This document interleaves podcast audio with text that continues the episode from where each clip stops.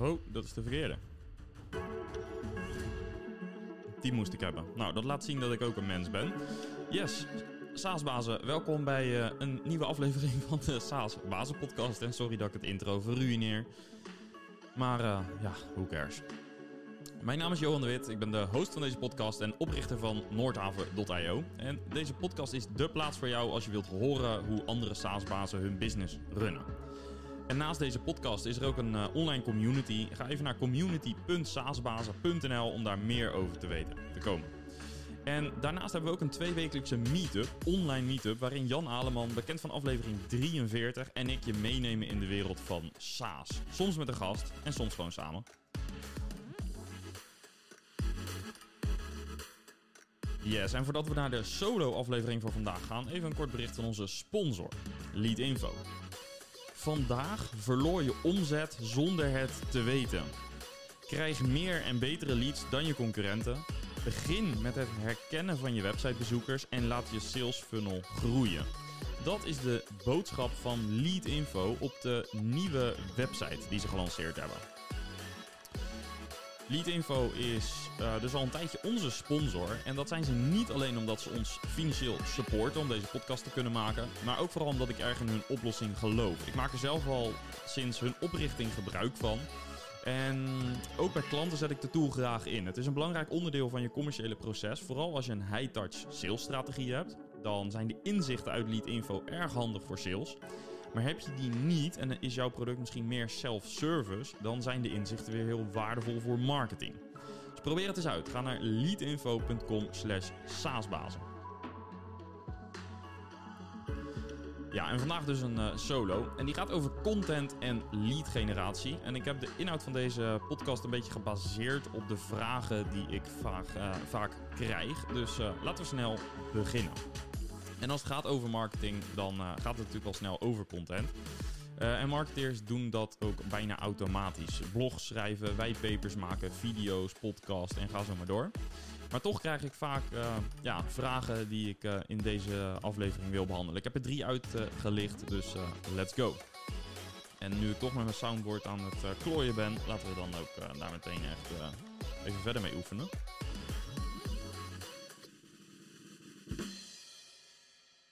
Dat klonk heel slecht, maar het uh, idee is duidelijk. Het was een tromgeroffeltje.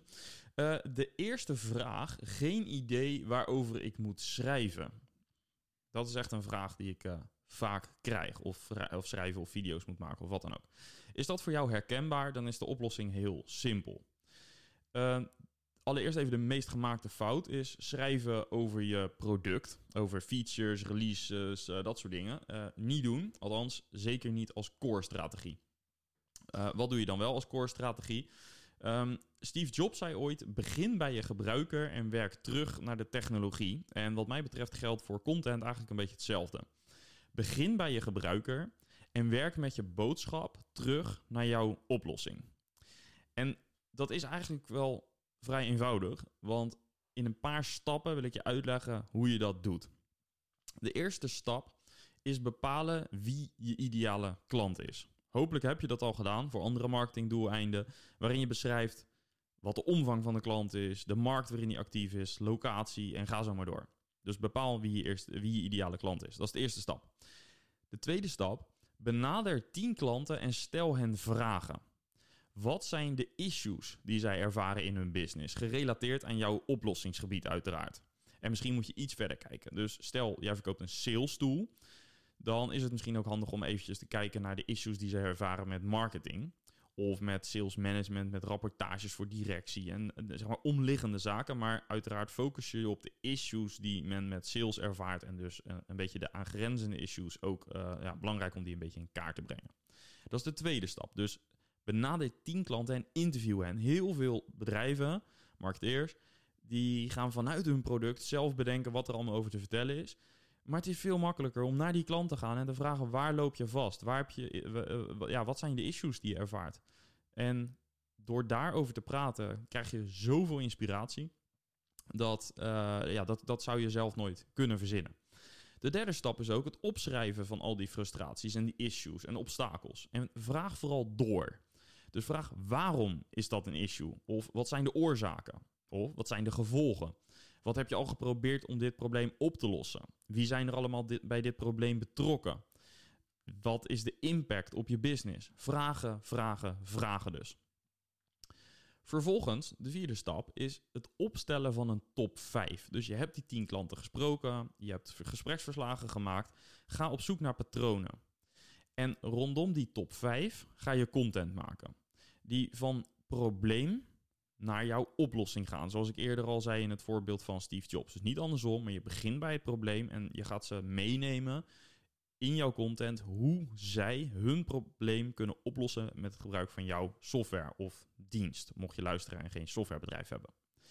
En dat is heel eenvoudig. Je kunt nu uh, eventjes meeschrijven of eventjes in de show notes een uh, linkje klikken naar een uh, templateje wat wij daar uh, altijd voor gebruiken.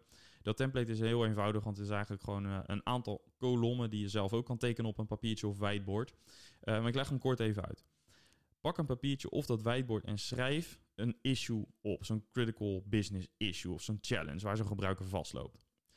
Schrijf vervolgens daarnaast vier kolommen. Dus maak vier kolommen met uh, de eerste kolom attract, 2 educate, 3 capture en 4 convert. Deze kolommen hebben de opbouw, de volgorde om jouw gebruiker te triggeren met attract. Dus daar ga je content maken die heel erg triggert. Die gaat over dat probleem. Vervolgens neem je ze mee in, de, uh, in, in uh, educate. Dus je helpt ze nieuwe inzichten te geven om dat probleem op te lossen. Bij Capture bied je content aan waarvoor zij bereid zijn een mailadres bijvoorbeeld of een telefoonnummer af te geven. En bij 4, bij, Cap, bij Convert, uh, gaat het erom dat je een demo of een trial aanbiedt of iets wat daar binnen past. En dat is ook het ritme waarop je je content gaat maken. Dus je doet dit eerst voor één issue. Dus je schrijft het issue op. Stel dat het issue is uh, bij de klant. 80% van de, van, van, de klanten die jij hebt, zeggen dat ze hun sales targets niet halen. Dat betekent dus dat als jij daarover gaat schrijven, dat de kans groot is dat dit voor veel potentiële klanten ook een herkenbaar probleem is. Ga je daarover schrijven, video's maken, podcast maken of whatever, is de kans dus ook groot dat je daar een uh, connectie maakt. Nou, wat doe je bij Attract? Bij Attract maak je eigenlijk een heel simpel stukje content. Dat kan een videootje van één minuut zijn, of misschien alleen maar een plaatje op LinkedIn met een foto en een stukje tekst. Of op een ander kanaal, waarbij je iets zegt over dat probleem. Dus bijvoorbeeld, dit is de reden waarom jouw sales manager de targets niet haalt. Als jouw klant, of jouw potentiële klant in dit geval, die jij hebt gedefinieerd, als 80% van hen dat issue ervaart, dat ze de sales targets niet halen, en zij zien een post of zij zien een artikel met dit is de reden waarom jouw sales manager de targets niet haalt, dan prikkelt dat. Dat is het enige doel in die attract fase. Dus in die hele wereld waar ze in bewegen, waar al heel veel content is, wil jij even de aandacht hebben. En dat doe je met een wat prikkelendere kop um, om de aandacht te trekken. Vervolgens neem je ze mee in de educate fase, zoals ik al zei. Dat is de tweede kolom. Bijvoorbeeld drie manieren om je sales targets wel te halen. Waarin je dus uitlegt hoe je sales targets zet, hoe je ze meet, hoe je ervoor zorgt dat je dichter op je targets komt zitten, dat je ze wel gaat halen. Vervolgens hebben ze dat artikel gelezen en vanuit dat artikel, bijvoorbeeld in een sidebar of in een banner, in een pop-up, op, op basis van retargeting, uh, dat kun je zo gek maken als dat je zelf wil bied je een downloadable op. Dat kan bijvoorbeeld uh, een checklist zijn sales targets. Ik noem maar even wat. Die checklist is downloadable en uh, daar moet jouw klant een mailadres of iets anders voor afgeven. Daarmee kun je de klant gaan of de prospect gaan identificeren. Vervolgens kom je in de vierde kolom en dat is close. En daarmee ga je de link leggen met je product. Dus dat zou bijvoorbeeld in dit voorbeeld zijn: uh, ontdek de sales target module van product X in een demo van 30 minuten. Wat je nu gedaan hebt, je hebt eerst gekeken naar de issues die jouw klant ervaren. Je hebt de aandacht getrokken. Je hebt ze geholpen om dat probleem op te kunnen lossen of daar meer uh, helderheid over te scheppen. Je hebt ze hulp aangeboden in de vorm van een checklist, een calculator, een whitepaper, om dat probleem echt nog eens beter te analyseren en op te lossen. En vervolgens zeg je van oké, als dit voor jou allemaal interessant is, als dit relevant is, dan denk ik dat onze Sales Target module voor jou super handig is. En daar wil ik wat over vertellen. Ik nodig je uit voor een demo. Dus doe dit niet voor één zo'n pijnpunt, maar doe dit voor uh, het liefst vijf pijnpunten. Een beetje afhankelijk van de, de complexiteit van uh, jouw product. Um, want als je er het bij één doet, dan heb je kans dat je, of dan, dan loop je het risico dat het niet aanspreekt. Niet elke potentiële klant heeft hetzelfde issue. En werk je er met vijf, dan is de kans groot dat er altijd twee, drie of vier raak zijn. En geef jezelf het doel om de problemen van je klant beter te formuleren dan zij dat zelf kunnen. En dat creëert echt de beste triggerpoint ooit. Dus even terug naar de vraag: waar moet ik over schrijven? Over de issues van jouw potentiële klant. En daarnaast is het natuurlijk prima om af en toe een artikeltje te schrijven over release notes, productupdates, leuk nieuws uh, over je team, over funding, events die je bezoekt, nou, uh, noem allemaal op. Maar de hoofdboodschap moet geconcentreerd zijn rond de uitkomsten die je leert van die interviews met 10 klanten. En dat brengt me ook bij de volgende vraag. Ja, ja. Hoe bereik ik beslissers? Uh, vooral beslissers die moeilijk te bereiken zijn. Nou, dat uh, is natuurlijk ook een vraag die uh, regelmatig voorbij komt. En de antwoorden, die, er zijn verschillende antwoorden mogelijk. Ik zou kunnen zeggen, wees relevant. Gebruik je netwerk, vraag om introducties. Maar wat is de vraag achter de vraag? En de vraag achter de vraag is hier vaak: hoe kom ik in contact met beslissers? En dat lijkt misschien dezelfde vraag, maar de herformulering eh, die, die speelt eigenlijk een nieuwe vraag vrij. Hoe bereik ik beslissers? Daarbij ligt het initiatief bij jou. Jij moet de actie ondernemen. Hoe bereik ik? Je gaat dus uit van outbound. Hoe kom ik in contact met beslissers? Dat is een iets neutralere vraag. Je wil in contact komen, maar zonder er direct al vanuit te gaan dat jij het initiatief moet nemen. En als marketeer zou ik nog een stap verder willen gaan. Hoe kan ik ervoor zorgen dat de beslissers mij gaan benaderen? Dat lijkt mij de ideale wereld. En het gaat mij hier vooral om perspectiefverandering. Want heel vaak, als ik met SaaS-bedrijven praat of met andere type marketeers, ondernemers, dan merk ik dat men heel erg op zoek is van hoe kom ik er nou doorheen? En hoe moeilijker het wordt, hoe moeilijker het doelgroep je target, hoe meer venijn er bijna in gaat zitten. En uh, van ik moet ze bereiken. En, en, en, nog meer moeite doen, nog meer content, nog meer kanalen erbij. En, en die, die, die houding, die zorgt er eigenlijk voor dat het vaak alleen maar moeilijker wordt. Want je gaat een beetje verkrampen doordat je allerlei verschillende dingen gaat proberen. Terwijl als je de vraag omdraait, hoe kan ik ervoor zorgen dat de beslisser mij gaat benaderen? Dan merk ik vaak dat er opeens een hele andere energie vrijkomt. En in het begin lijkt het soms misschien onhaalbaar, zeker voor kleine bedrijven. Maar als je echt goed gaat nadenken over die vraag, dus hoe kan ik ervoor zorgen dat een beslisser mij gaat benaderen, dan kom je vaak op hele andere invalshoeken. Dus ik wil jou als luisteraar ook uitnodigen om deze vraag echt serieus aan jezelf te stellen. Wat kan ik doen om ervoor te zorgen dat beslissers mij gaan benaderen. Dat vraagt echt om een heel ander antwoord. Allereerst maak je de switch van outbound naar inbound. Bij outbound zoek jij klanten. Bij inbound vinden klanten jou, mits goed gedaan uiteraard. Maar de keuze is fundamenteler. Het gaat echt niet zozeer om een tactische keuze, maar om een strategische keuze. Want bij outbound zit je vaak wat meer op de korte termijn als je er toch in slaagt om een aantal beslissers te bereiken, dan heb je wel kans op wat meer tractie op korte termijn. Het zij via LinkedIn of gewoon uh, ouderwets bellen of uh, nou, op een andere manier targeten met advertising of iets dergelijks. Dus vaak toch wat meer op de korte termijn. Ga je voor de laatste vraag, hoe kan ik ervoor zorgen dat de beslissers mij gaan benaderen, kom je wat meer op de inbound. En dus wat meer de lange termijn. Dat is een investering. Want je moet een asset bouwen waardoor zij naar jou toe willen komen. Nou, een voorbeeld is bijvoorbeeld onze community. En daarom zei ik net ook, ook als je een kleine start-up bent of uh, kleine starter bent, dan is het nog steeds mogelijk om zo'n vehikel te bouwen. Alleen het gaat erom van ben je in staat om die denkomslag te maken en ben je in staat om iets creatiefs te bedenken. Uh, heel simpel voorbeeld. Met Noordhaven, um, als je niet weet wat Noordhaven doet, uh, kijk even op noordhaven.io. Met Noordhaven specialiseerden wij ons een aantal jaar geleden in B2B SaaS. En wij hadden ervoor kunnen kiezen om te starten met advertising en met uh, heel veel uh, manieren om uh, die beslissers maar te bereiken. In plaats daarvan hebben wij gezegd, als we nou gewoon een podcast maken, dan proberen we in ieder geval alles aan te doen om dat relevant te maken voor de mensen die in onze doelgroep vallen. Maar ook uh, kunnen we de contacten gaan uitnodigen die mogelijk vroeg of laat een keer klant worden. En natuurlijk gaat niet iedereen die in de podcast is geweest klant worden, maar de praktijk leert wel dat uh, heel veel contacten uit de podcast wel vroeg of laat een keer aankloppen. En als dat niet gebeurt, is dat ook helemaal geen probleem. Maar als het wel gebeurt, dan is dat wel een voortvloeisel uit een uh, meer strategische keuze van een aantal jaren geleden. Dus het kost wat tijd. Bij ons heeft dat denk ik een jaar gekost voordat dat een beetje op gang kwam. Dus je moet wel wat runway hebben. Maar het is tegelijkertijd wel ook een veel duurzamer kanaal. Want uiteindelijk, uh, nu zijn er dagelijks mensen die zich aanmelden voor de community. En die vragen of ze in de podcast kunnen.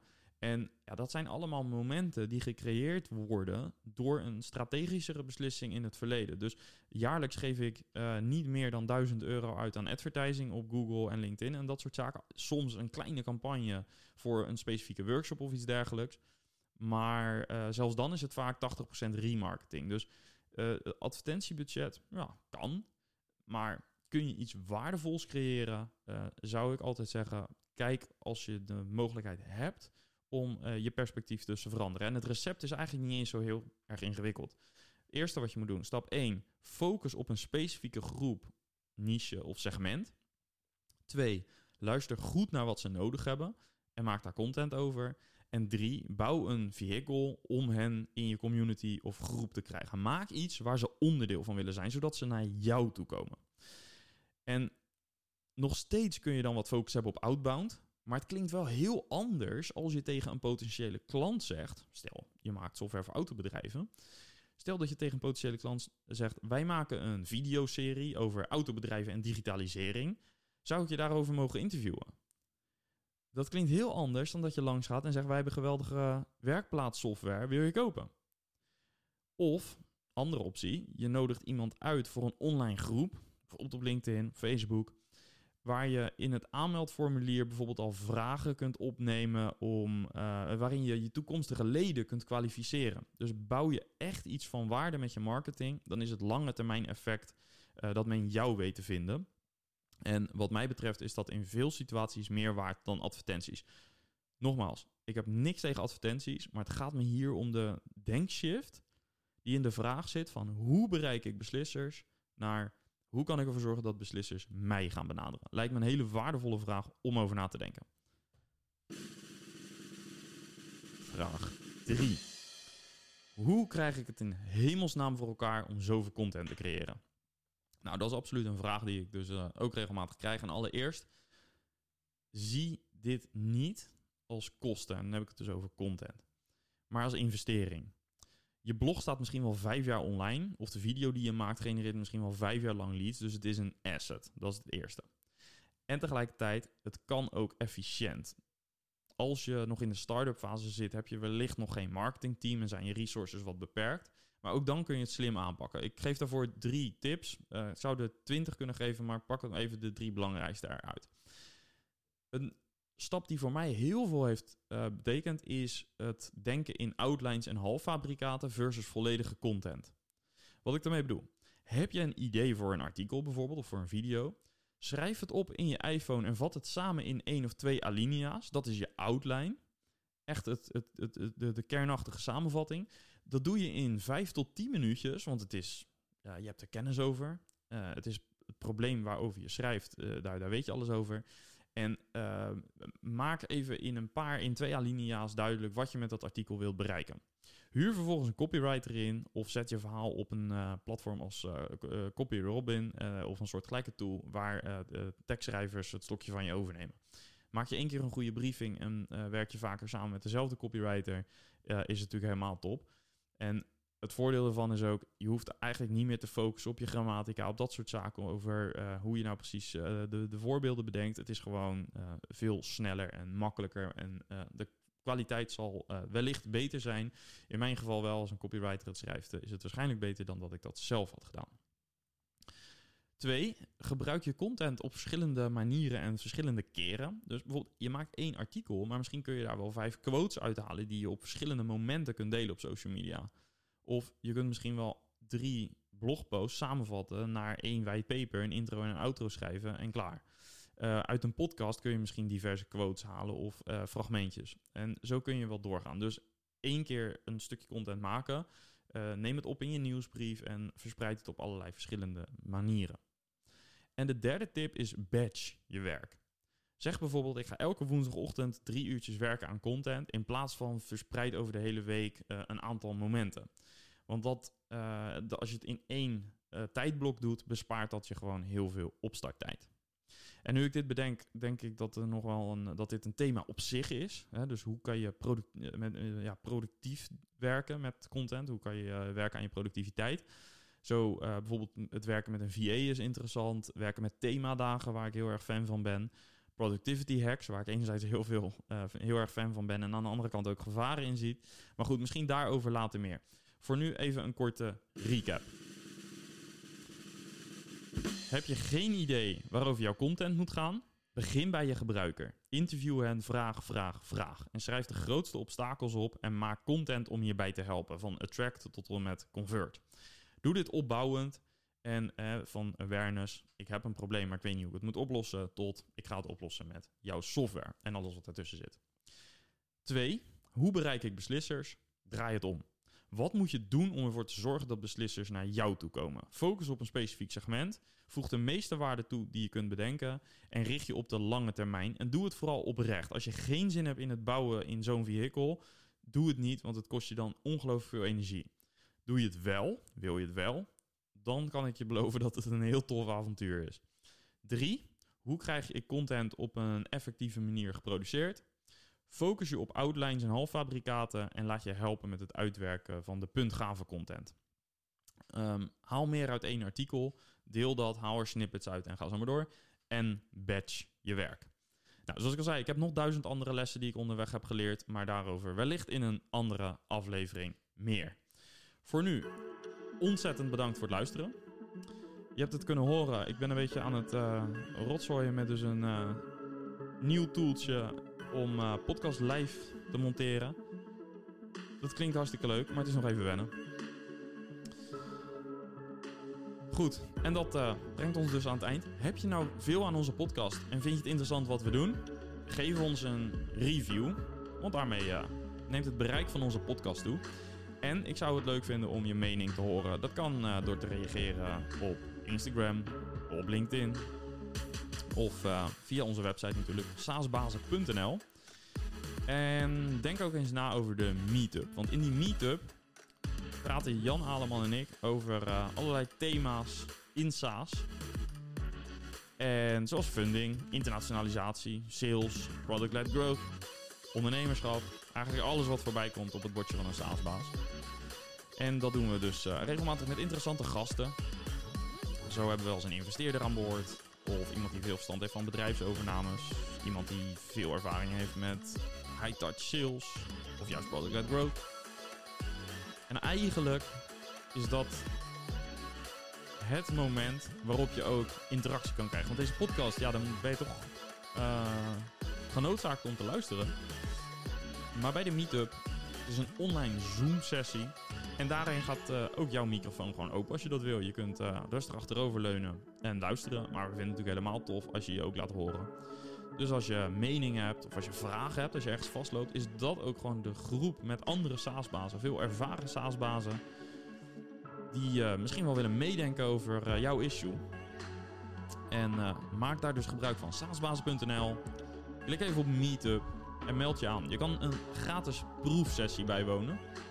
En na de sessie bepaal je zelf of je het interessant en relevant vond. Zo ja, dan kun je een abonnementje afsluiten voor uh, 30 euro per maand. Of 300 euro per jaar. En uh, als het niet interessant was, dan heb je denk alsnog een leuke anderhalf uur gehad. Want daar doen we alles voor natuurlijk. En anders ja, kun je het ook gewoon een paar maanden later nog eens proberen. En zoals je hoort, ik ben aan het proberen om een outro vol te praten. Zodat ik mooi met het eh, laatste stukje van het muziekje eindig. Zoals eh, de echte DJ's dat ook doen. Maar op dat niveau ben ik nog niet. Goed. Dat was het voor vandaag. Bedankt weer voor het luisteren en graag tot volgende week. Bye bye.